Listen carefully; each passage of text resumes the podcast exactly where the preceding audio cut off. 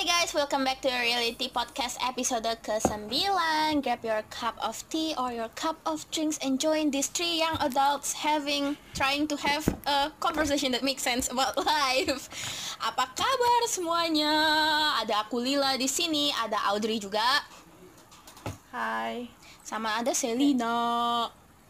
Hai. Jadi today hari ini kita bakal ngomongin tentang uh, pekerjaan, dunia pekerjaan gitu. Karena kebetulan di sini ya dua dari antara kita udah kerja dan aku bentar lagi juga akan kerja. But before that, let's catch up for a bit. How are you guys? How's the listener?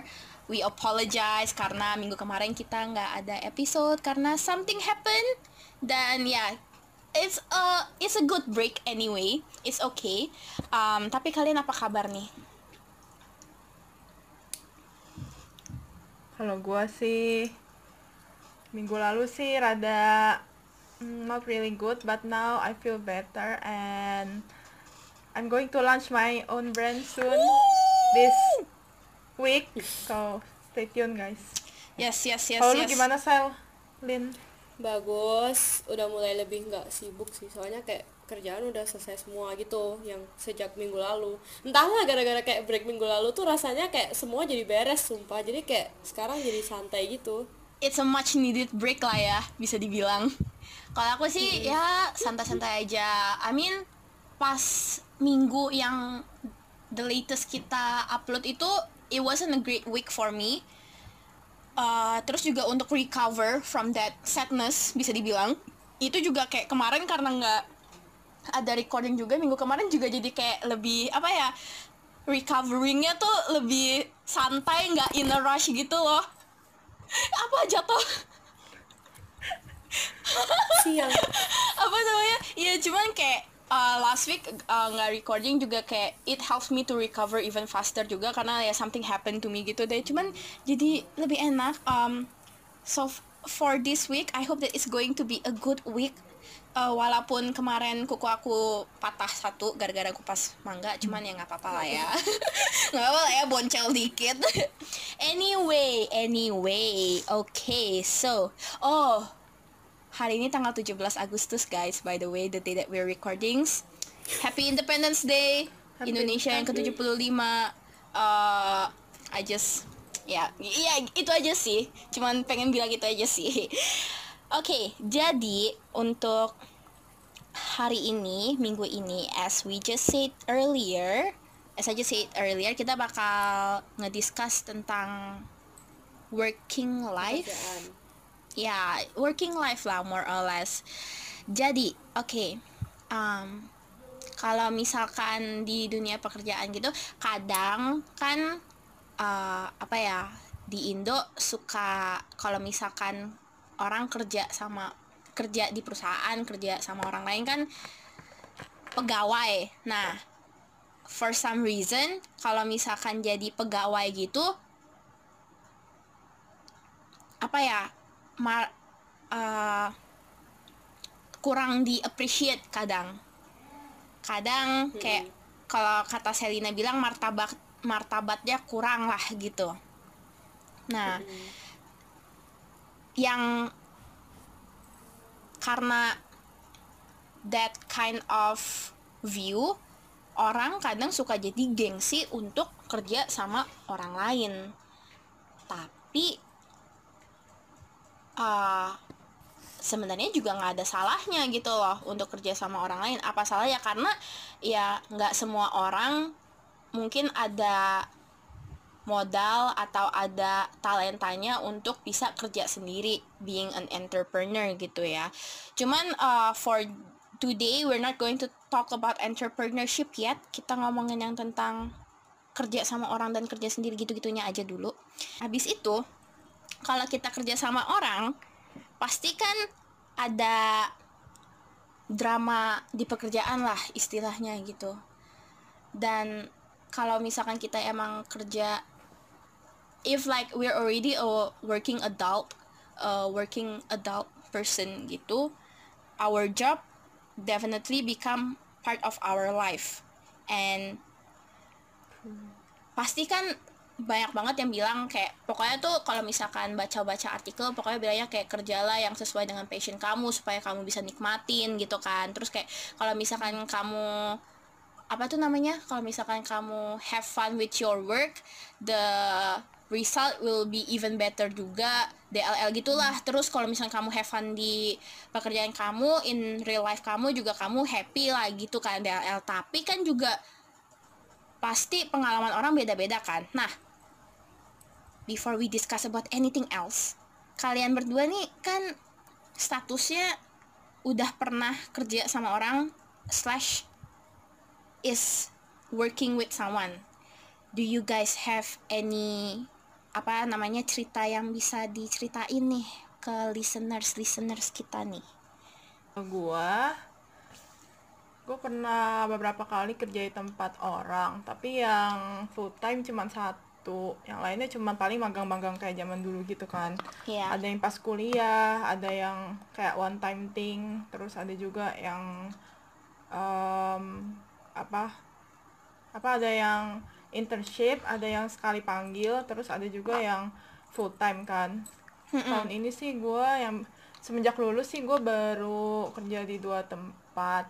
Yang satu di tempat yang gede banget terus yang satunya lagi tapi magang doang terus yang satunya lagi tempat yang ya oke juga tapi full time doang. Itu gue cuman bertahan sebentar banget.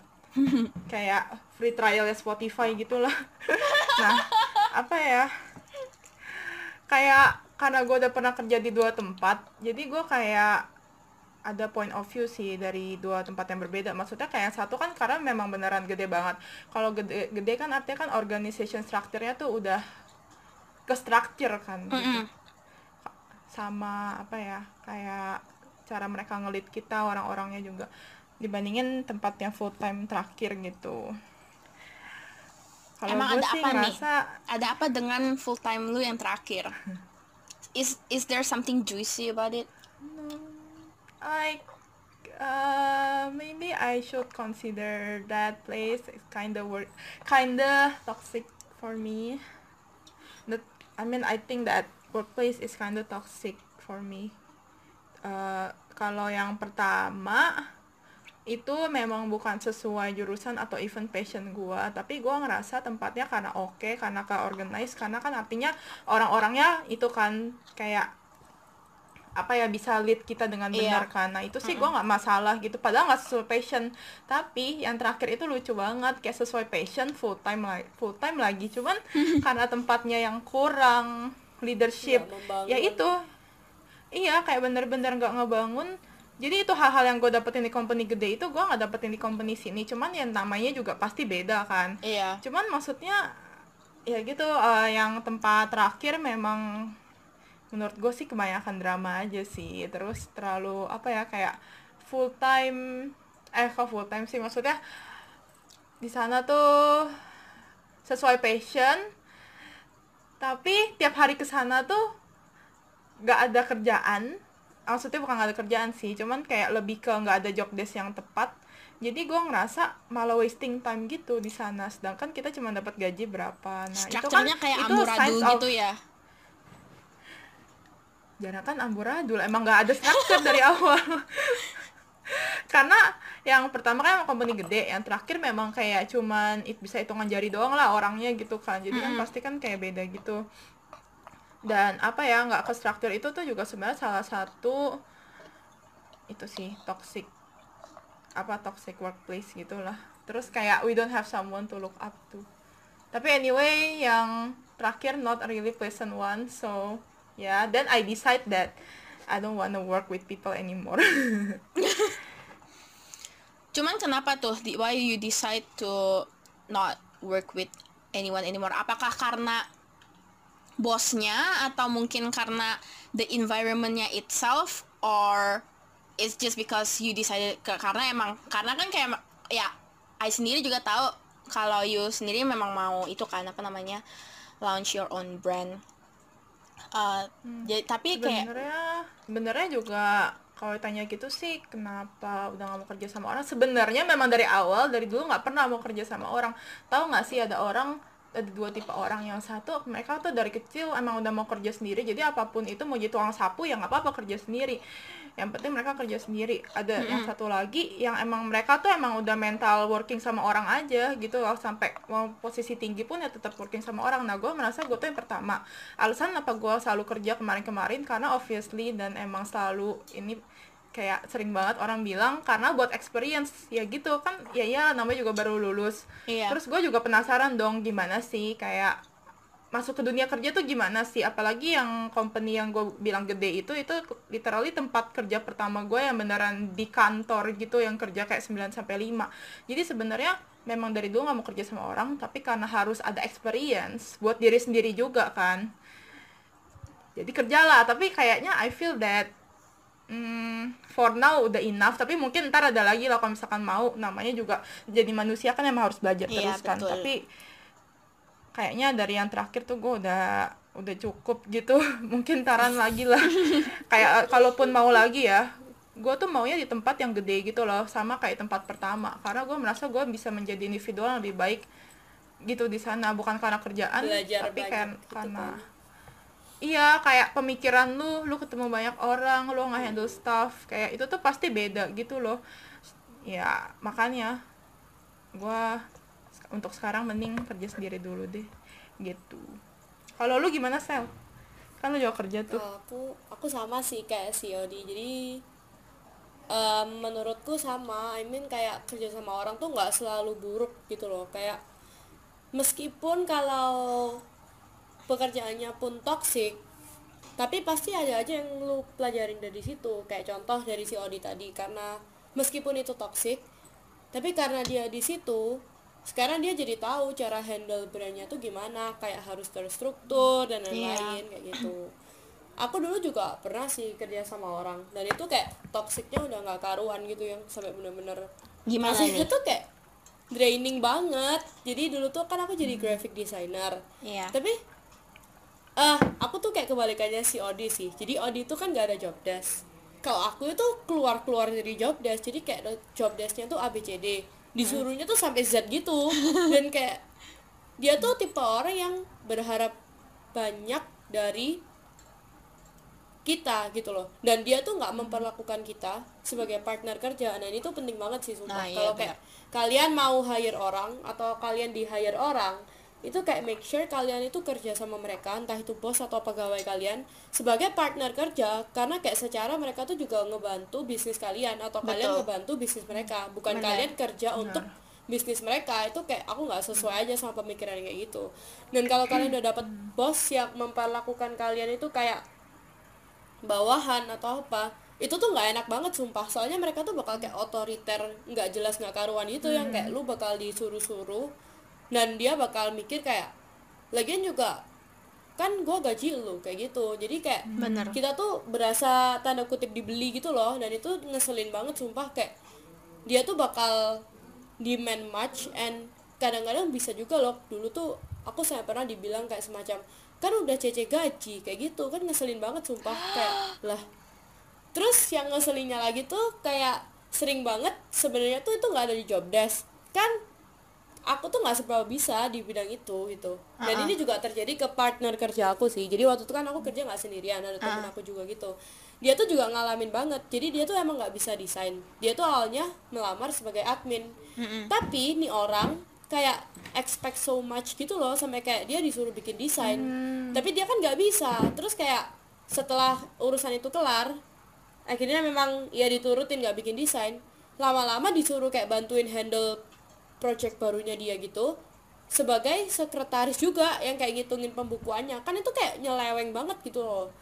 Ya itulah. Tapi menurut Ai sih kalau emang pekerjaan tuh toxic mending keluar aja sumpah. Kayak kecuali kecuali kalau emang kalian lagi dalam posisi butuh duit ya atau Oh, iya. kayak memang memang terpaksa harus kerja itu untuk ya kehidupan sehari-hari ya ya ya udah gitu ya udah lu mending jangan keluar dulu tapi cari penggantinya dulu baru Iya, keluar. sebelum Soalnya keluar cari pas- kerja itu Iya, sebelum keluar pastiin ada penggantinya.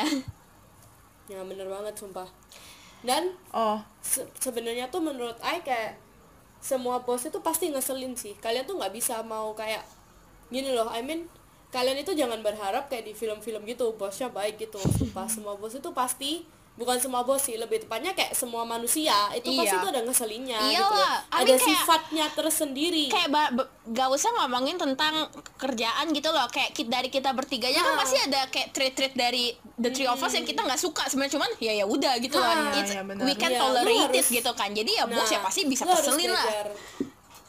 Nah itu juga lu harus cari bos itu yang sekiranya sesuai sama lu dan gini nih kalau lu lagi interview itu tuh sebenarnya jangan Hmm. kasih eh jangan patok mindset kalau dia yang ngelihat lu, lu juga ngelihat dia orangnya tuh kayak gimana Hmm. gitu. Kalau emang lu ternyata nggak serak ya, ya meskipun lu diterima jangan diambil gitu. Jadi jadi sebenarnya tuh pokoknya jangan perlakuin dia tuh sebagai atasan gitu lah. Dan juga gini kalau misal dia ngeselin, lu juga jangan yang kayak dikit-dikit emosi. Kayak contoh nih ngeselinnya tuh telat bayar gaji gitu ya ini kan tiap orang beda-beda ya tapi kalau ngeselinnya yang kayak telat bayar gaji atau kayak telat bayar utang itu mah aku nggak apa-apa. Soalnya emang kayak ya aku nggak keberatan gitu. Tapi kan beda cerita ada orang yang juga butuh gaji pada tanggal itu gitu iya. kan.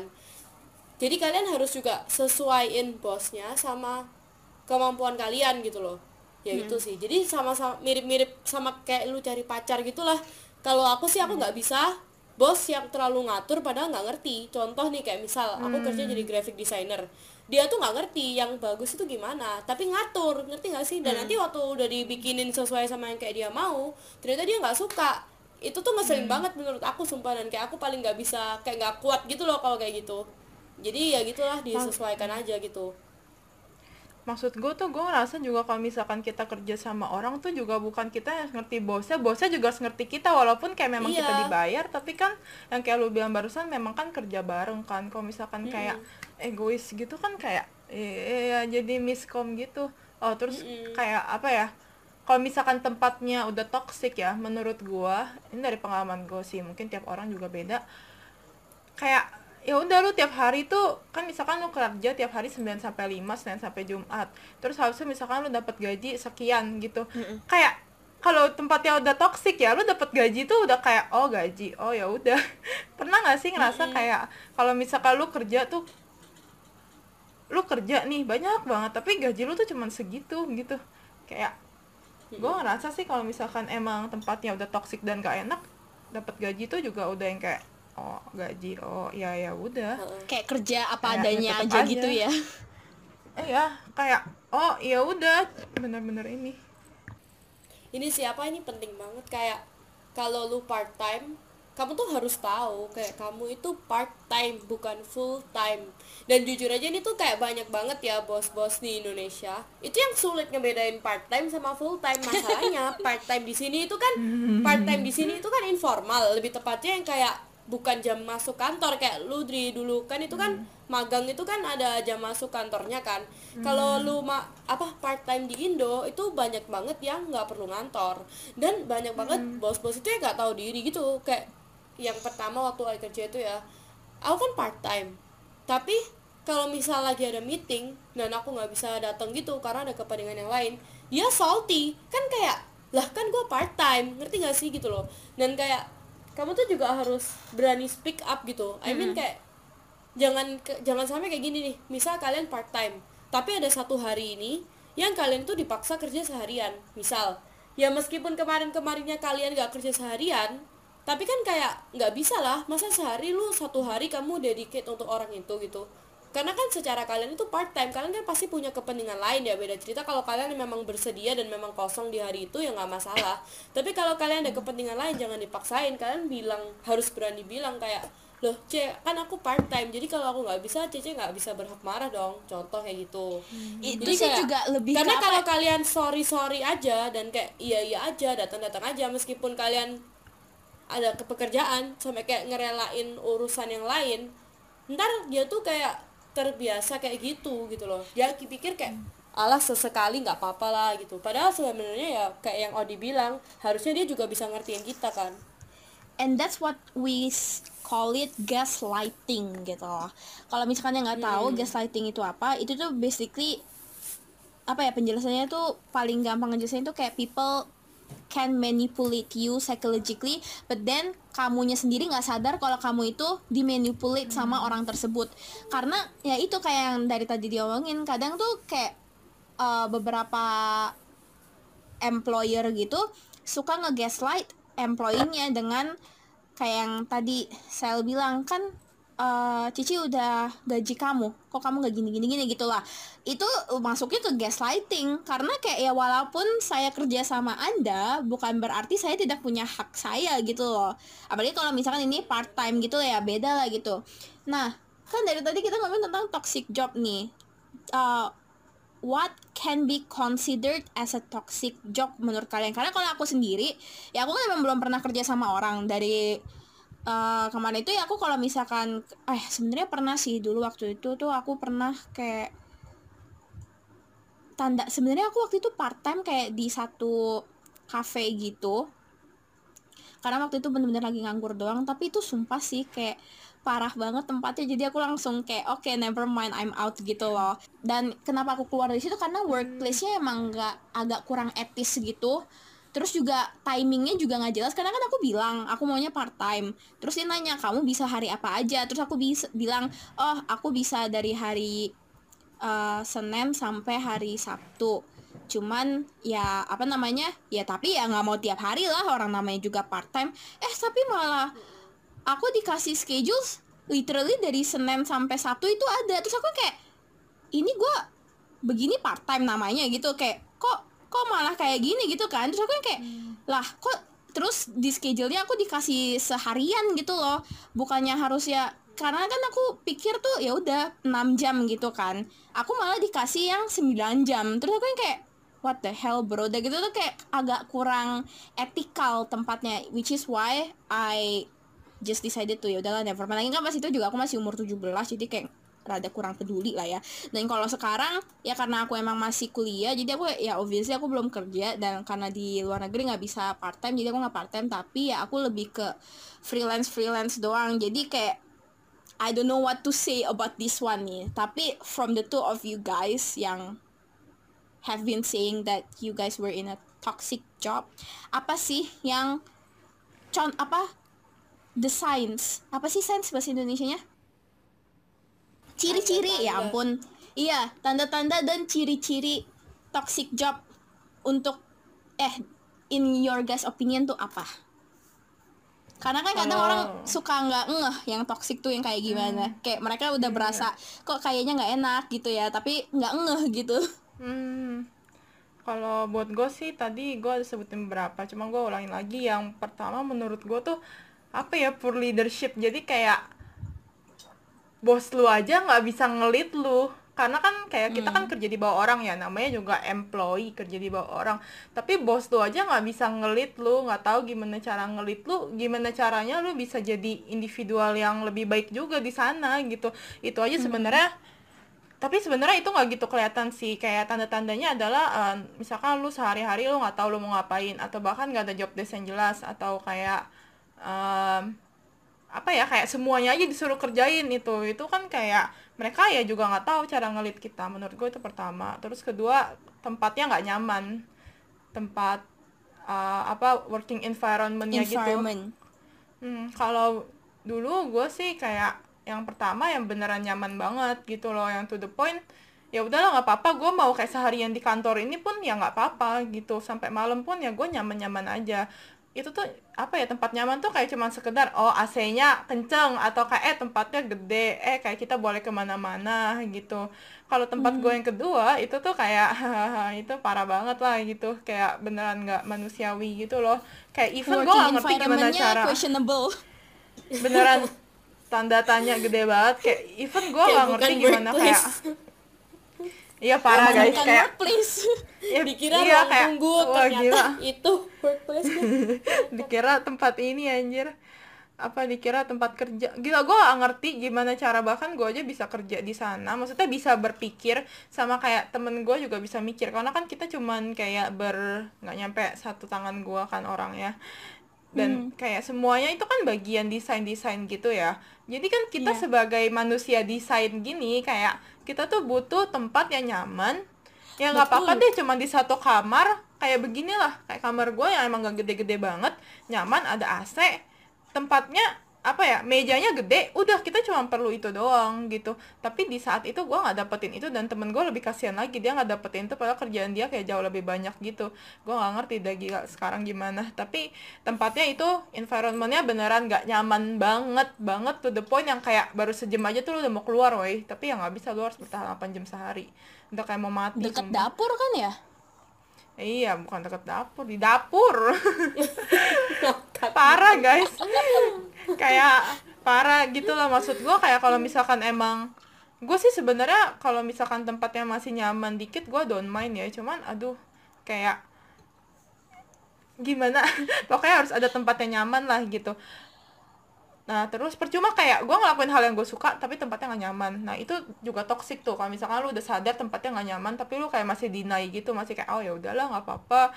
Ya udahlah mungkin gue bisa mikir ntar. Eh, ya itu udah toxic anjing terus apa lagi ya kayak uh, lu ngerasa kayak lu tuh capek gitu loh. Padahal ya emang kerjaan nggak ada yang nggak capek ya. Iya kayak drain iya. burn out. Padahal the thing that you do Oh, sebenarnya biasa out. aja.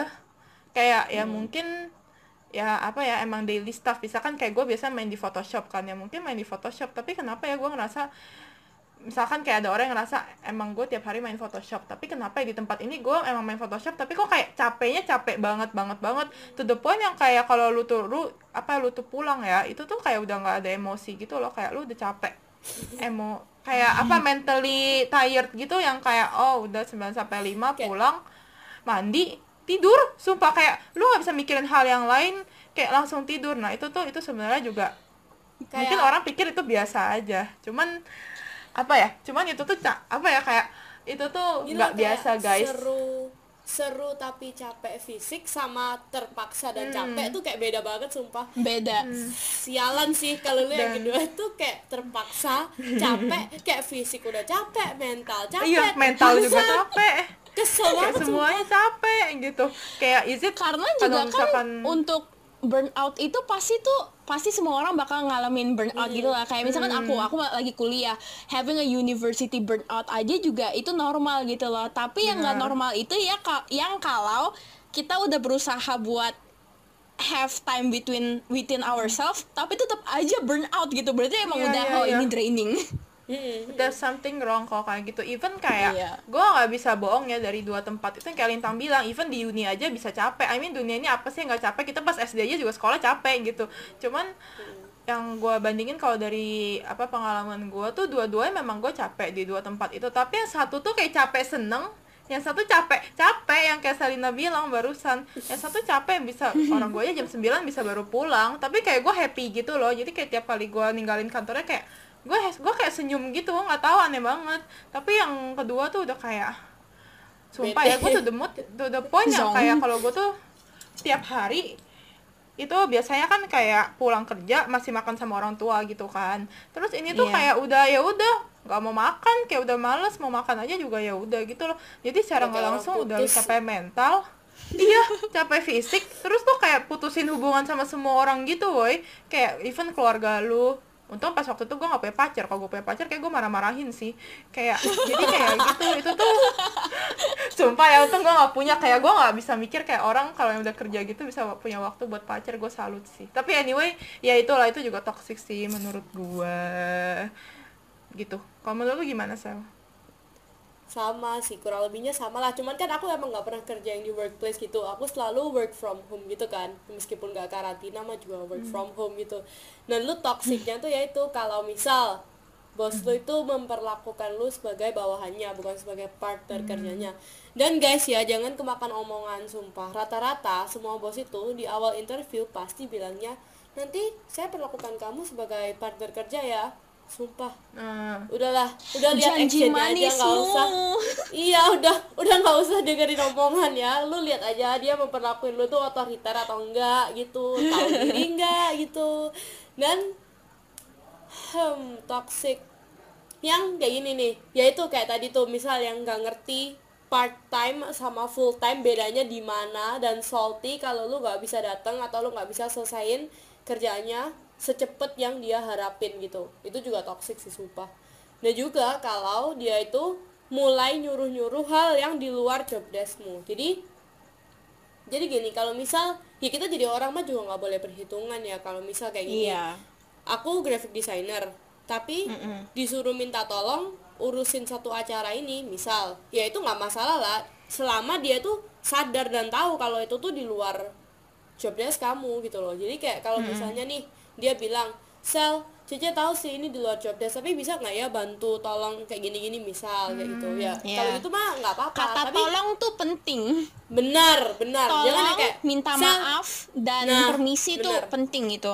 sumpah bener banget sih jangan kayak udah kayak- manners gitu bos lu itu Iya. gak ada manner gitu sama lu yang kayak nyuruhnya tuh sel besok kirim ya kan kayak lah sialan lu kayak ngomong sama siapa sumpah kayak gak ada respect gitu terus yang Oh, sama itu. tuh- eh yang ngeselin sampai Texting. yang toxic apa sama itu Jir kayak apa yang barusan lu bilang lanjutannya itu kalau texting tengah malam tuh wah gila ya jadi Oh, iya. juga harus tahu lah gila Itu texting tuh, tengah malam itu, besok tiba-tiba minta Itu deadline tuh udah kayak apa ya unspoken rule kalau emang mau urusan kerja tuh janganlah yang tengah malam gitu loh. Kayak kalau misalkan saya nggak bales kamu tengah malam ya wajar lah ini kan normalnya ya normalnya. Kan waktu gua tidur bambang. Don't Nah, expect tuh- me to reply you at 12 a.m. kayak gini aku bandingin aja ya kayak kerjaan A yang sekarang sama yang dulu. Sama-sama part time sama-sama from home tapi yang sekarang tuh aku berasa kayak temen gitu sama bos aku kayak kita tuh berasa we're partners we're working together gitu loh. Jadi meskipun dia chat tengah malam pun kalau Aing nggak balas sama dia juga nggak masalah. Masalahnya yang dulu itu ngechatnya jam satu kalau besok pagi baru dibales tanya. Saat kok kemarin kamu nggak langsung bales cece sih? Kan kayak ngeselin banget. Lu siapa lagi gitu, ngorok ceh Nah makanya. Ngakak gue Kayak gak ngotak gitu loh Yang penting tuh ya itu sih Sumpah itu paling penting tapi Selama dia bisa respect kamu sebagai partner kerja Seharusnya tuh kerjaan kamu smooth-smooth aja sih. Tapi tapi gini nih Kadang tuh kalian juga Kalau misal punya partner kerja yang lain Jadi kayak kalian kerja bareng temen gitu kalian tuh mending tanya ini nggak gibah ya guys? Aku nggak ngajarin kalian gosip. Cuman kalian tuh kadang tuh harus tanya gitu loh kayak menurut lo ini kalau kalau dia ABCD gini itu ngeselin gak sih? Nah kayak gitu. Jadi kadang itu kita nggak sadar kalau kita sendiri tuh yang terlalu sensi gitu loh kadang. Jadi kita Iya, juga iya. perlu kayak pendapat orang lain dan percuma kalau lu tanya ke temen yang kayak nggak kerja di situ. Soalnya Iya, yang iya. ada mungkin mereka kemakan omongan lu kan jadi lu harus tanya yang beneran mengalami sendiri kayak gitu. Dan dulu tuh gila sih. Kayak temen gue juga merasa kayak gila nih orang nyebelin banget sumpah aku pernah baca di Twitter jadi kayak ada satu Twitter thread gitu. Um, kan kadang suka apa namanya kalau misalkan di tempat kerjaan nggak ngebahas gaji gitu kan. Mm-mm. tapi katanya nggak etis lah nggak apa. Tapi jadi di Twitter thread ini tuh this person emang dia tuh kerja di higher upsnya gitu.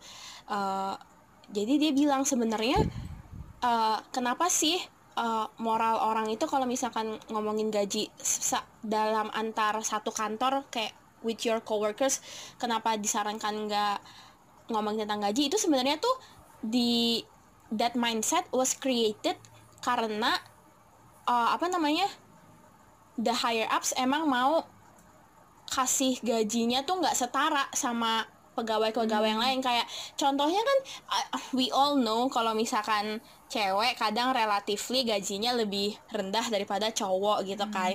Biasanya sih kalau cewek kecuali cakep gitu baru keterima biasanya kadang ada juga kan yang kayak gitu. Kayak cewek cantik baru di diterima gitu kan. Dan kalau yang cowok walaupun cowok apa skillsnya lebih rendah dari yang cewek tapi gajinya tetap lebih tinggi gitu. Nah this person on Twitter dia bilang sebenarnya itu juga tetap harus diomongin.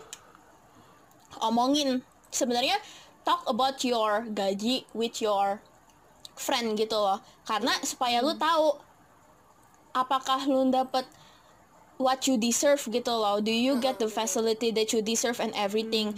Which is also why it's also kinda apa ya important juga untuk tanya kalau misalkan kalian merasa "Eh, kok kayaknya gue ngerasa bos gue treat gue agak something gitu ya. Try lah to ask your other coworkers. Tapi ya buk ya lagi-lagi yang kayak saya bilang jangan tujuannya buat ngegibah. Tujuannya emang buat nanya apakah gue yang terlalu sensitif? Apakah gue nya yang terlalu menye-menye? Atau emang nih orang treat Memang me badly gitu? Iya apa nih orang emang tanda tanya? Benar-benar gue juga ngerasa pas gue kerja di tempat yang gede itu itu tuh kayak orang atasannya tuh beneran baik banget gitu beneran kayak ngebantu gitu loh. Kan gue kan emang kerjaan gue tuh titlenya aja nggak sesuai sama apa yang gue tahu gitu kan. Pokoknya beda banget sebeda itu yang to the point lulusan. Jadi kayak anak magangnya di kayak 10 gitu yang jurusan kayak gue ya cuma satu yang lainnya tuh kayak anak-anak komunikasi gitu. Nah karena gue masih baru gue takut kan gitu. Tapi gue selalu mikir gini sih namanya juga kita tuh masuk kerjaan tuh sebenarnya kita juga bukan kerja doang tapi kita belajar. Dan di saat itu memang gue kan apply sebagai anak magang kan jadi gue nggak gitu takut lah kalau misalkan memang gue nggak tahu. Lagian kan mereka kan terima gue pasti ada alasan kan. Mereka nggak mungkin Iya. terima gue kayak segampang itu. Nah gue bersyukur di tempat itu tuh atasan gue tuh beneran yang kayak ba- baik banget. Terus gue nggak pernah dimarahin sekalipun. Sumpah gue tuh paling benci ya kalau kayak dimarahin tapi kita tuh nggak salah. Kayak siapa lu Hmm, marah-marahin gue padahal orang tua gue aja nggak pernah marahin gue kalau gue nggak salah gitu. Kalau pas waktu itu atasan gue user gue itu tuh mereka cuman kayak paling bilang "Eh, Audrey kan gue bikin artikel jadi kayak "Eh, Audrey ini jangan pakai saya anda ya gitu. Lain kali pakai aku kamu aja. Bukan yang kayak eh jangan pakai gitu dong. Kan ada orang yang kayak gitu kan nah kalau lebih ke arah gue ngasih tuh masukan yang suportif gitu iya kan? iya. Kayak misalkan terus gue kayak sakit perut misalkan kayak gue tiba-tiba dapet atau apa terus habis itu gue bilang kayak gue mau balik gitu. Ya tapi gue bilang baik-baik lah gitu kan. Habis itu dia kayak oh iya Dri udah nggak apa-apa istirahat aja gitu. Bukan yang kayak apaan sih lu pura-pura? Ya kan ada anjir yang kayak gitu kan. Terus sumpah ini aku pernah user gue dikatain pura-pura kayak cari-cari alasan gitu sialan nggak padahal Apa? ngapain coba lu pura-pura sakit gila. Siapa sih iya yang kan mau sakit? pura-pura iya kayak iya emangnya lu pikir sakit enak gitu ya. Coba deh ngerasain jadi cewek gitu. Oh apalagi kan user gue kan cowok kan. Jadi kayak pas gue kan kalau misalkan lagi dapet kan kayak sama cewek langsung ngomong kan. Kalau sama cowok tuh gue sampai naik ke temen gue ini nih bilangnya apa ya? Gue bilang kayak lagi datang bulan aja lah kayak kata-kata yang lebih sopannya terus itu kan user jadi ini gue nih user terus ini manajer yang atasnya lagi paling atas. Oh ya terus usernya ini lebih baik lagi woi. Kayak gila. Eh maksudnya I mean manajer gue tuh yang itu jauh lebih baik lagi soalnya dia tuh beneran gila dia tuh beneran yang kayak bener-bener ngebantu gue yang nggak ngerti apa-apa. Terus dia tuh anggap gue tuh kayak apa ya kan gue tuh paling muda kan di sana. Terus itu dia tuh beneran kayak ngajarin gue kalau misalkan ada apa-apa tuh gue selalu tanya dan dia selalu bales dengan oke gitu loh. Terus kan selalu tiap hari Jumat tuh ada kayak sesi belajar gitu kan sumpah kayak kuliah. Terus gue selalu ditanya gitu Audrey ngerti nggak? Terus habis itu kan orang kan biasanya kayak iya udah ngerti kok. Gue bilang enggak nggak ngerti ini apaan sih maksudnya? Ya iya lu bayangin weh anak fashion disuruh belajar coding lah tiba-tiba gimana cara cara bikin website kan. Jadi kayak dan dia kayak bener-bener bantuin gue dari scratch gitu sampai gue ngerti gitu gila sih nah tapi tempat satu lagi nggak usah tanya yang beda banget itu tuh yang satu itu tanda-tanda tempat tidak bagus lah gitu sih Ya berarti ya the first company that you work with it's like one of the example of company that can actually make you grow as a person juga dan benar-benar dapat experience and new knowledge gitu kan. True, true, true. Gila, hoki sih. Terus kalau misalkan tips buat interview nih yang sering-sering interview karena aku mah cuma pernah interview cuma pernah berapa kali. So yeah, please give me some tips for interview karena uh, aku akhir tahun tuh udah harus magangnya wajib sama kuliah gitu. Jadi boleh nih kasih tips interviewnya senpai senpaiku. kalau apa sih ya interview tuh yang penting tuh lu pede jadi jangan jadi gini lu interview tuh pasti ditanyain kayak minta gaji berapa. Itu itu umum kayak ya kurang lebih hampir semua itu pasti tanya minta gaji berapa terus kayak kelebihan sama kekurangan lu. Ya gitu gitulah tapi kan kalau kelebihan kekurangan kan jawabnya kan gampang. Kayak gaji itu biasanya kan jawabnya kan susah. Nah, Jawabnya itu gimana juga- tuh? Sebelum research eh sebelum research. Sebelum interview lu juga harus research. Misal nih lu mau ngelamar kerja jadi apa ya pelayan restoran misal. Lu research dulu kalau kayak misal di resto yang mahal itu kira-kira pelayannya gajinya berapa. Dan kalau misal kamu nemu price range kayak dari 1000 sampai 2000 misal. Jangan takut buat minta gaji yang 2000 jadi kamu boleh kok minta gaji 2000 tapi state kenapa kamu layak dapat gaji 2000 dan kamu tuh harus pede. Pokoknya intinya gini loh lu interview itu jangan malu-malu jangan yang kayak oh iya haha," gitu. Lu tuh harus Fake it pede gitu make it kayak gak sih?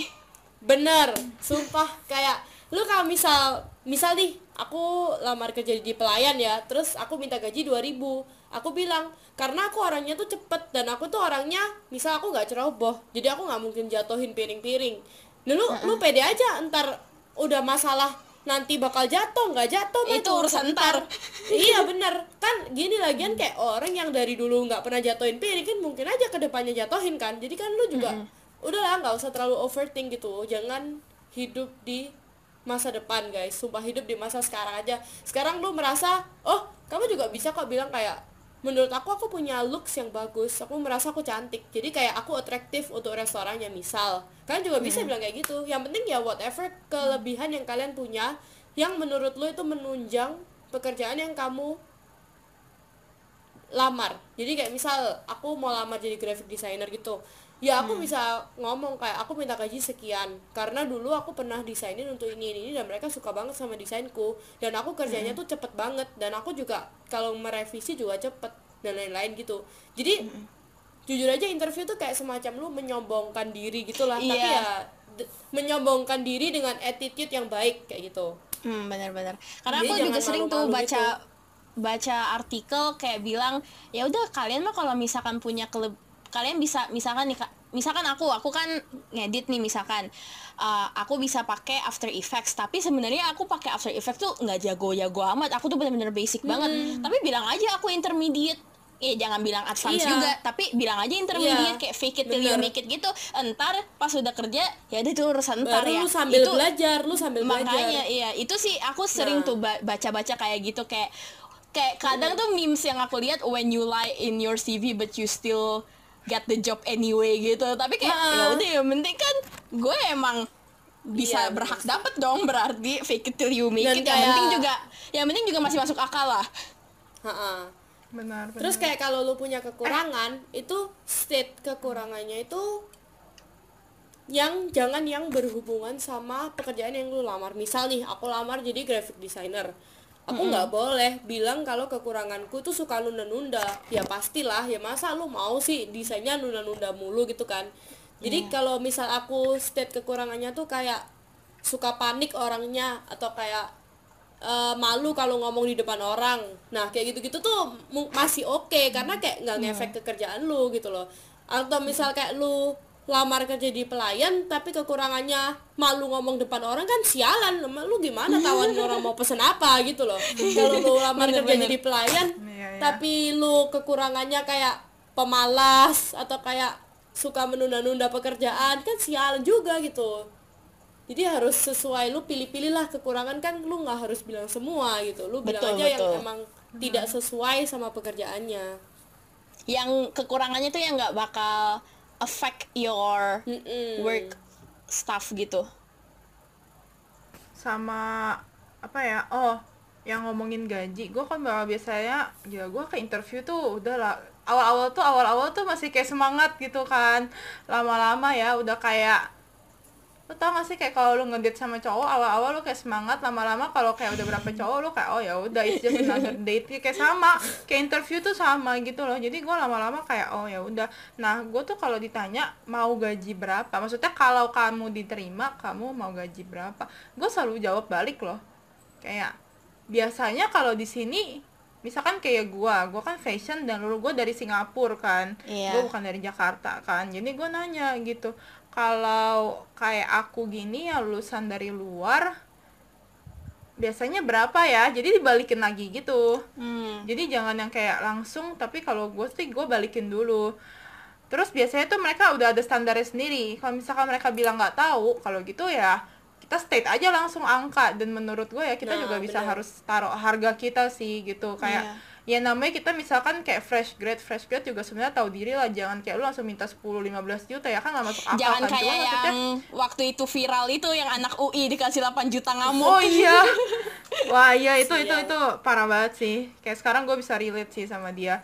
Kayak ya mending kalau misalkan emang orangnya bilang oh nggak tahu standarnya berapa dan mungkin aja wajar mungkin aja nggak ada yang dari Singapura misalnya mungkin Iya. memang mereka dari dulu sama orangnya lokal gitu Em, ya kita bilang aja misalkan kayak rata-rata di sini berapa sih UMR gitu loh empat setengah gitu 4,3 ya kita harus bisa set high standard buat diri kita sendiri. Jangan mau lah harganya kita taruh tiga lah taruh lah 7, 8 nah kayak gitu ya ntar pasti mereka tuh nego biasanya. Mm-mm. oh misalkan kayak gue baru masuk nih ini misalkan gue apply full time ya. Gue bilang aja gue mau 7 nih 7 juta. Terus ya gue pasti harus bilang 7 juta yang fix jangan yang net ini kayak ini sih taktik yang orang-orang nggak nggak banyak kan tahu gitu apa ya soalnya kalau misalkan fix kan udah tuh kayak ya udah lu bakal dapet 7 juta tiap bulan tapi kan eh kalau misalkan yang satu lagi itu tuh kayak udah termasuk pajak gitu loh jadi ntar mereka kayak nego-nego lagi lu nggak mau 7 juta ntar lu dapetnya 6 juta woi Berarti 7 juta Udah kayak net nego itu yang udah dua. 7 juta net. Kalau yang net tuh yang udah termasuk pajak kan? Jadi kita dapatnya 7 Iya, iya, juta udah termasuk bersih. pajak. Mm. Iya, bersih. Tapi yang satu lagi 7 juta. Apa gitu? Bukan net apa sih kayak nego gitu loh jadinya. Anjir gue lupa termsnya. Tapi pokoknya kayak kalau kita ngomong 7 juta kita nggak dapet 7 juta. Paling kita cuma dapat 6 apa enam setengah gitu. Nah kayak gitu gitu ntar paling company nego lagi. Ntar ujung-ujungnya ya harga lu cuma jadi 6 apa 5 woi. Ini makanya kayak udah taruh aja harga yang tinggi. Mereka juga tahu kok sebenarnya. Kayak lu nggak gila gitu. Tapi ada orang yang nggak enak sih biasanya dan jangan nggak enakan guys kalau minta gaji. Itu salah gue sih dulu gue nggak enakan. Hasil cuma dapet segitu. Terus ya kalau bisa ya lu ini beneran yang kayak Alina apa Salina tadi bilang kayak udah lu fakein aja dikit gitu gak Oh, apa-apa. iya, iya. Eh, soalnya misalkan kayak gua dulu magang memang gaji gua nggak begitu besar. Karena di perusahaan gua maksudnya yang gede itu tuh memang di bagian gua nggak gede. Cuman ada di departemen lain yang IT related tuh gede gitu. Dan memang faktanya mereka dapat segitu gitu. Gue bilang aja di ini gua di yang apa ya di full time gua gue bilang aja "Em, boleh nggak ya kalau misalkan kayak gue dapet kayak misalkan 8 soalnya gue tuh dulu dapetnya 6 misalnya gitu. Gue Ah. kan yang tahu gue dulu dapetnya berapa kan? Iya, dan bener-bener. memang fakta kok orang di sana dapetnya 6 nah kayak gitu tuh. Ya yang itu gue bukan ngajarin kalian, kalian yang penting tuh kalau kalian berani minta sekian kerjaan kalian tuh juga harus mencerminkan angka itu Bagus. gitu loh. Iya. benar. Tadi nambahin kayak yang asal minta tapi nggak usah kerja. Iya iya benar. Tadi yang apa yang pasti Audrey bilang kayak balik nanya itu itu tuh ah juga sering lihat kayak di artikel-artikel tips buat interview tanya balik. Kayak misalkan contoh eh, kita kan pasti pas HR dia lagi interview kita kan bakal nanya kita orangnya gimana DLL gitu gitu gitu kita sebagai yang mau ngelamar kita juga bisa nanya eh, what is the working environment that I should expect? gitu. Terus kira-kira tuh eh, workload yang bakal dikasih ke kita tuh gimana gitu. Jadi untuk kalian juga sebagai employee-nya nanti kalian juga punya kisaran lah. Ntar gue Bayangan. kalau iya bayangan. Gue kalau kerja di perusahaan ini gue bakal gimana gitu loh. Kan misalkan nanti kalian keterima terus kan dikasih kontraknya dong obviously. And then you guys already ask the HRD about the working environment or like the workload that you guys will be given gitu. Kalau terus kan di kontrak pasti ada gajinya gitu kan. Jadi kalian juga bisa mikir lagi is it worth it or not gitu. Jadi yang tadi itu itu tuh jadi keinget kayak kita juga sebagai interviewee-nya juga interview the interviewer gitu. Kayak uh, apa yang saya sebagai pegawai uh, saya bakal ditreatnya seperti apa gitu. Dan juga Ah, uh, kalau nggak salah it will also give a good impression to the employer. Kayak oh nih anak berarti Niat sebenarnya kerja, niat mau niat kerja tahu. Hmm. emang niat kerja mau tahu. Iya itu ada aku baca gitu kan. Jadi aku kayak wah bener nih bener nih. Harus diingat kalau aku udah mulai interview. iya jangan cuma diem. Karena gue sih salah dulu awal gue diem. Gue pikir kayak ntar mereka nggak enak kalau gue tanya. Kan gue kan orangnya nggak enakan kan. Jadi kayak tapi kan ada juga orang yang ngerasa oh iya aduh gue banyak baca ntar gue gak keterima atau apa. Jangan guys jangan mikir gitu. Kalian tanya Nggak se usah panik. detail-detail mungkin gitu.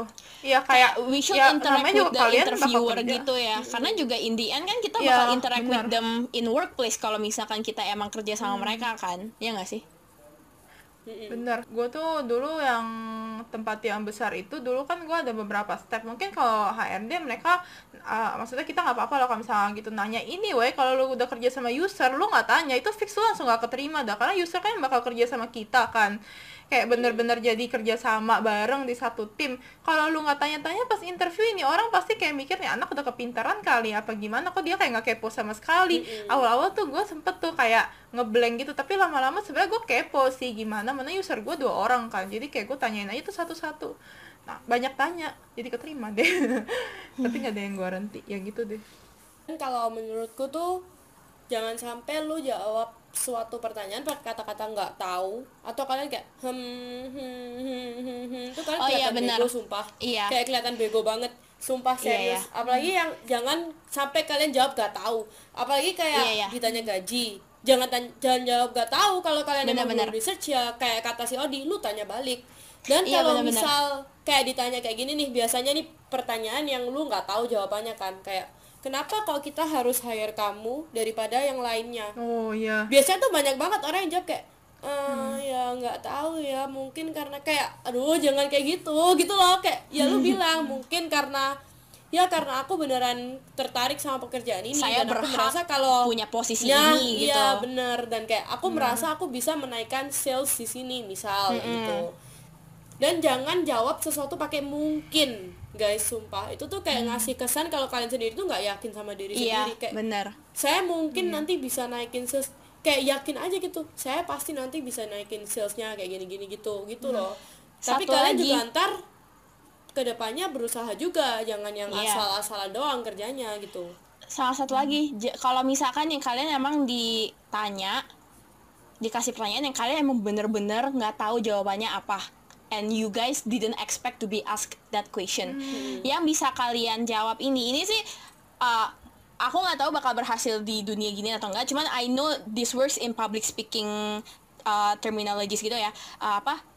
Kalau emang kalian bener-bener nggak tahu kalian bisa jawab kayak gini. Uh, kurang lebihnya tuh kayak wah ini saya nggak saya nggak sa- saya sebenarnya agak aduh bahasa Indonesia nya apa sih? I'm a bit like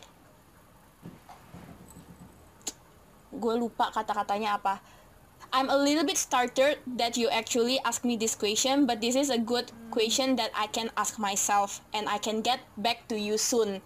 Bisa bilang kayak gitu. kayak gimana tuh Indonesianya?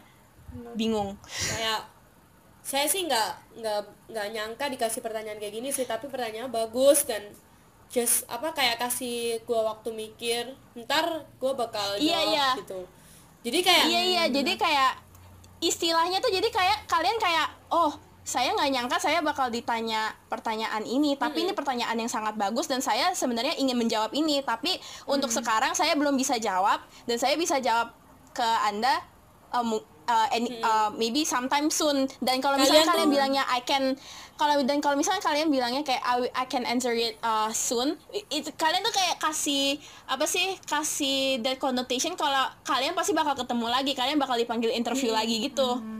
dan kayak kalian terlihat profesional gitu loh. Yang penting Iya. kalau kalian lagi mikir apalagi kayak kalian belum tahu gitu ya mau ngomong apa gitu mau jawab apa. Pokoknya jangan keluarin suara hem lah sumpah itu kayak bego banget. Iya, yang penting itu- kalian diem. itu bener banget. diem aja kayak Karena juga uh, itu part of public speaking juga Heeh.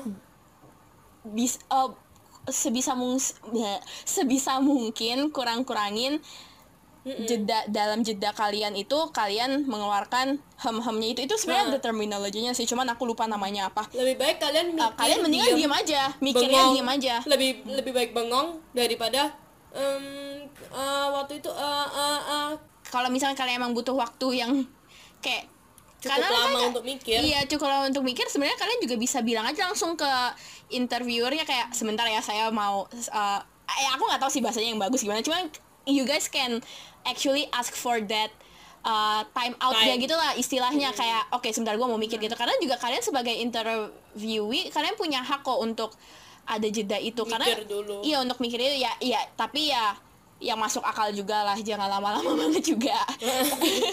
Yang masuk akal tapi juga kalau gitu. kalau kayak kalian mau mikir tapi mikirnya bentar mungkin kalian tuh bisa beli waktu mereka tuh dengan cara kayak mungkin minta ulang pertanyaannya. Iya, bener. pura-pura nggak denger gitu. Ya kalau Atau enggak kayak minta diperjelas. Minta ulang, diperjelas ah, dengan sorry Ci, apa pertanyaannya. bisa apa Sorry. bisa dijelasin lagi? Iya. kayak pertanyaannya tuh lebih ngarah ke mana ya? Iya contoh iya kayak misal, gitu. iya misalkan kayak iya, iya. ditanya apa terus kayak eh, maksudnya dalam hal ini atau hal ini gitu. Misalkan pertanyaan yang Nah, dikasih tuh ha. benar-benar broad Hmm. banget yang benar-benar kayak pertanyaannya luas. Kalian bisa tanya lagi maksudnya eh, kamu itu nanya Lebih da- ke arah yang mana? Arahnya ke mana nih Hmm. gitu. Dan jangan pasang muka bingung bete guys sumpah. Jangan yang kayak hah gimana gimana? Kayak ngeselin Iya, iya. sumpah. Lu mending pasang muka bingung bego daripada bingung bete. Kayak satu lagi tips yang aku tahu ini juga kayak based on Senyum, public senyum. iya ini juga kayak based on public speaking gitu. Mm-mm. kalian bisa juga kalau misalnya kalian lagi mikir kan kalian pasti punya raut muka mikir gitu kan. Kalian tuh uh, itu juga y- you guys have to actually kind of control your expression. Apalagi kalau lagi interview kan obviously itu bakal jadi first impressionnya kan. Nah caranya gimana supaya kalian bisa tahu otak kalian pas lagi mikir itu gimana? Kalian record aja diri kalian sendiri kalau misalkan kalian lagi mikir lagi ngerjain dan aku tuh sering banget kayak gitu. Kalau aku kan emang aku suka I mean I like to record myself a lot of times gitu. And I like to like ki- kind of make like a time lapse of me studying gitu.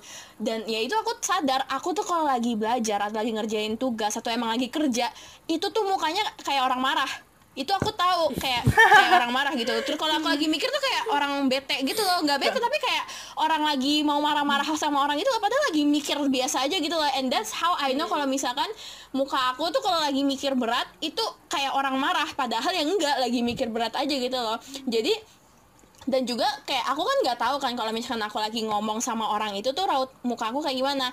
I tend to talk to myself in front of the mirror supaya aku sendiri aku bisa mengkontrol raut wajah aku.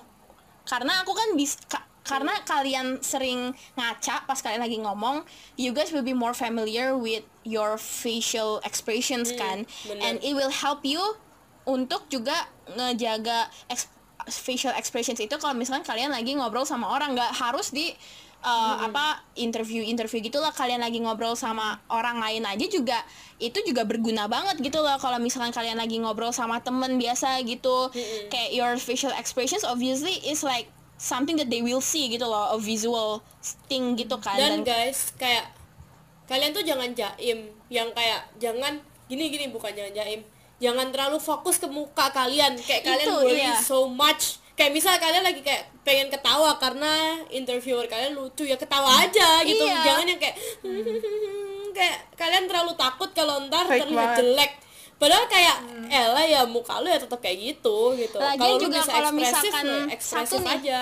karena kamu sebutnya ketawa nih ya kalian ya orang ya kalau misalnya mau ketawa ketawa mah ketawa aja gitu loh. Aku nggak tahu ya kenapa ya. Ini ini ini out of topic sebentar nih. Kayak apa orang tuh kadang kalau ketawa suka malu dengan ketawanya eh emang kadang ada orang yang kalau ketawa tuh bener-bener ngakaknya tuh bisa ngakak banget gitu kan cuman kayak just express yourself dude eh, apa Iya. kayak aku tuh ngeliat Karena- orang ketawa malah seneng gitu loh jangan ditutup-tutup Iya karena kalau kalau lu malu-malu dan lu nggak ekspresif itu lu malah nggak atraktif Iya, gitu. bener. justru karena karena dia bisa lihat personality kamu saat kamu di interview kamu tuh jadi atraktif dan Uh-uh. jangan terlalu strive to be that perfect apa kayak that perfect person gitu loh. Justru, Justru mereka yang interview kamu mereka itu mau tahu more about you Iya. kayak apakah kamu atraktif Iya, atau bener. enggak. Bukan cari yang perfect mereka tuh cari yang atraktif gitu Bener. Perfect is boring, woy. Iya bener banget. Dan mereka juga pasti nyari Pas lagi interview kan Kemungkinan besar kamu bukan satu-satunya yang di interview.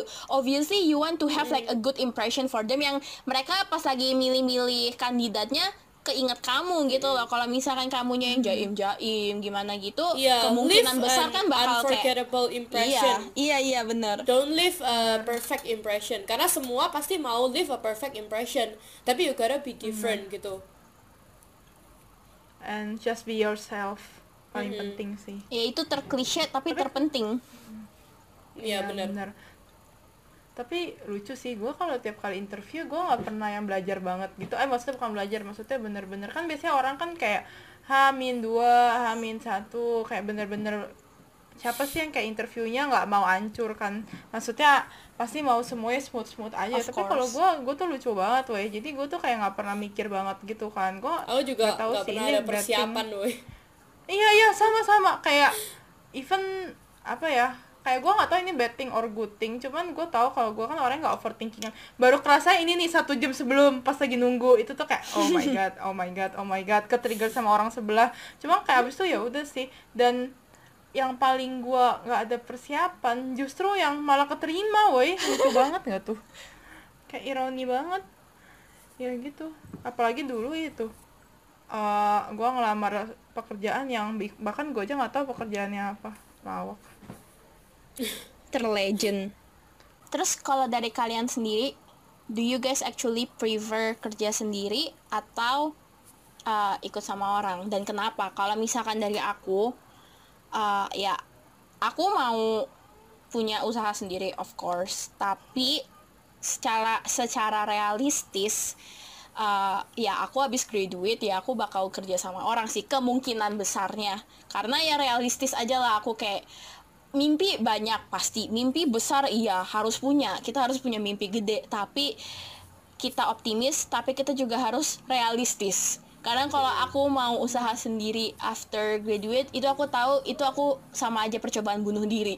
Itu itu nggak masuk akal untuk aku. Jadi kayak kalau aku kemungkin ya aku bakal kemungkinan besar kerja sama orang dulu pas aku graduate. Dan maybe I will work with people for like a few years actually cuman abis itu ya obviously as time goes on ak- akhirnya punya modal. Nah itu barulah aku mungkin punya usaha sendiri. Ya mungkin kalau misalkan emang ada jalannya mungkin aku sambil kerja sama orang mungkin ada sambilan gitu mungkin lah. Ya itu aku berharapnya sih bisa kayak gitu. Tapi karena juga kenapa aku pengen kerja sendiri? Karena tuh aku punya cita-cita aku mau jadi lecturer. Aku tuh mau jadi dosen gitu kan dan tapi aku nggak mau jadi lecturer yang full time. Aku tuh mau part time aja gitu karena emang ada yang bisa part time gitu kan. Jadi kayak kalau misalnya aku mau part time uh, lecturer I have to have like my own apa bisnis gitu yang ya aku nggak datang juga bisa. Kecuali kalau misalkan emang aku misalkan seandainya I'm still working with someone tapi contoh jabatannya emang tinggi dan aku emang bisa dapat kayak one day yang I'm out of work then it will be lovely sih.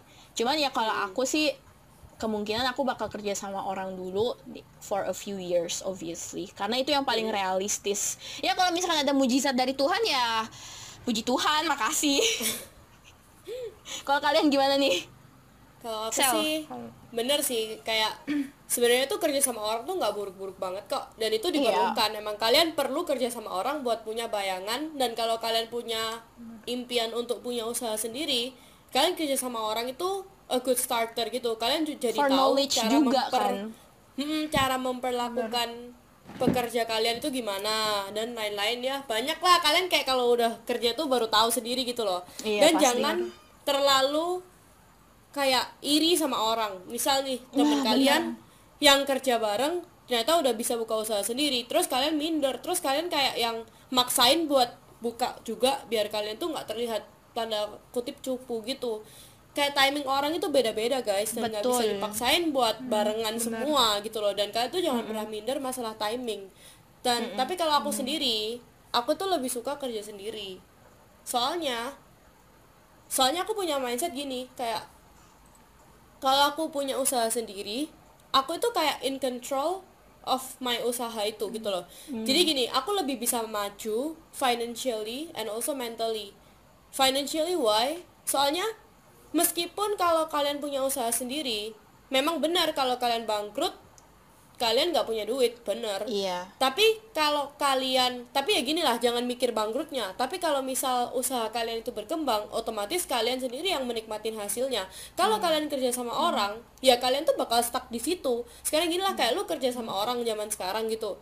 Ya tergantung jabatan juga sih tapi kayak misal lu jabatan A ya mentok gaji lu 15 juta mau kayak pabrik itu sampai segede apa ya lu tetap segitu gitu kan. Kayak ya potensi apa yang bikin lu dapat gaji lebih. Dan aku tuh tipe orang yang selalu mau strive buat kayak ya of course for the best gitu. Jadi aku mau kayak ya aku mau aku nggak suka aku bukan tipe orang yang suka stuck di sesuatu for a long time gitu loh. Dan aku nggak bisa aja kayak aku lebih baik kalau emang bangkrut rugi ya ya udah. Tapi kan aku punya kesempatan untuk maju lagi kayak start a new business atau ya apa gitu. Jadi ya gitu sih. Cuman tetap aku merasa sekarang aku masih butuh kerja sama orang. Soalnya aku masih butuh knowledge-nya gitu. And also Aku juga- preparation-nya. Aku juga kenapa juga kayak mau-mau aja kerja sama orang? Karena aku emang tipe orang yang bisa kerja sama orang gitu loh. Kayak I mean I can do works by myself. Aku bisa ngerjain kerjaan aku sendiri. Tapi kalau emang aku harus kerja sama ya contohnya kayak project-project gitulah contoh paling gampang assignments gitu. Aku kalau kadang ada beberapa assignments yang I prefer to do it individually. Tapi kalau misalkan emang assignmentsnya I have to do it with partner atau a group project I can also do it gitu. Jadi makanya kayak aku sendiri juga kayak aku emang tipe orang yang gabung sama orang pun oke. Tapi sendiri ya oke juga gitu Kalau jawaban gue sih kayak gabungan jawaban Lintang sama Selina deh. Kayak kalau dari yang Selina bilang kan emang apa ya pengalaman juga penting. Maksudnya emang lah kita nggak bisa deny kalau misalkan emang apa ya oh yang kayak Lintang juga bilang kayak lu baru lulus langsung bisa kerja sendiri tuh lu bunuh diri ya bener sih. Tapi kalau kecuali gua emang kalian ada modal atau kalian Iya. nerusin usaha Ada- orang tua betul nah iya cerita ada modal aja ada modal aja kalau Belum bisa tentu. tuh ada pengalaman dulu gitu loh. hmm, bener Terus gue lebih prefer kerja sendiri, tapi gue butuh pengalaman juga. Tapi gue nggak bisa deny kalau sebenarnya sekarang gue masih butuh pengalaman, tapi lagi tidak mau menjalani kerja sama orang. Jadi ya tapi anyway gue lagi mau kerja sendiri dan emang lagi bikin brand sendiri dan emang yang Selina bilang barusan juga kalau apa ya kalau lu kerja sendiri tuh lu you're in control of yourself Everything, of yeah. your business and basically everything. I mean it's not always a good thing but basically it's a good thing so ya kalau dari gue sih gue lebih prefer kerja sendiri. Tapi kalau di perusahaan gede kalau dia terima gue juga gue mau sih kerja lagi apa-apa soalnya udah terjamin gitu loh kualitas dan knowledge yang gue bakal dapetin. Tapi kalau masih perusahaan yang ecek-ecek ya bukannya gue bilang perusahaan yang kecil itu tidak membuat kita sebagai individu lebih bagus ya nggak selalu begitu. Cuman nggak tahu gue sih lebih Sering suka yang kayak kali. tempat gede-gede aja. Banyak kan iya sering kali Hmm. most often gitu. Jadi kayak ya udah apa mungkin gue lumayan trauma ya tapi nggak tahu sih. Cuman Bisa jadi. cuman maksudnya cuman maksudnya logically aja sih gitu kan. Kayak pasti beda lah culture-nya segala. Ya gue kalau keterima di tempat gede gue juga mau. Gue nggak deny. Kayak gitu sih ya tapi other than that juga lagian lu kan lagi mau start up yang bulan ini launching. Ya guys. Doain guys. Gue takut. Bentar lagi dan bakal kita kasih tahu obviously kalau misalkan ada launch. But other than that ya itu aja sih dari kita untuk minggu kali ini. Mudah-mudahan it will help you guys in any kind of way. Kalau misalnya kalian lagi galau-galau soal kerjaan which is definitely something that a lot of you guys probably is dealing with. Karena aku sendiri juga lagi deal with it gitu. Kayak oh my god tahun depan gue lulus gue udah harus kerja cari kerja. Gila. Jadi ya kita bisa relate with you guys gitu. Karena juga emang audience kita kan mostly emang apa students Umur-umur uni kerja. students gitu. Umur-umur Umur-umur mau 20-an kerja. lah. Umur-umur mau kerja atau atau enggak umur-umur yang udah mau cari duit lah istilahnya gitu. Jadi ya I hope that it will help you atau ease you. Dan kalau misalnya kalian emang lagi stress just remember that you guys are not alone. Dan ya kalau mau curhat curhat aja. Santai aja. Kita chill kok. But other than that we hope that we will see you guys again on the next episode. Hope that you guys have a great week ahead. Bye guys. Stay safe. Wear your mask. Bye. bye guys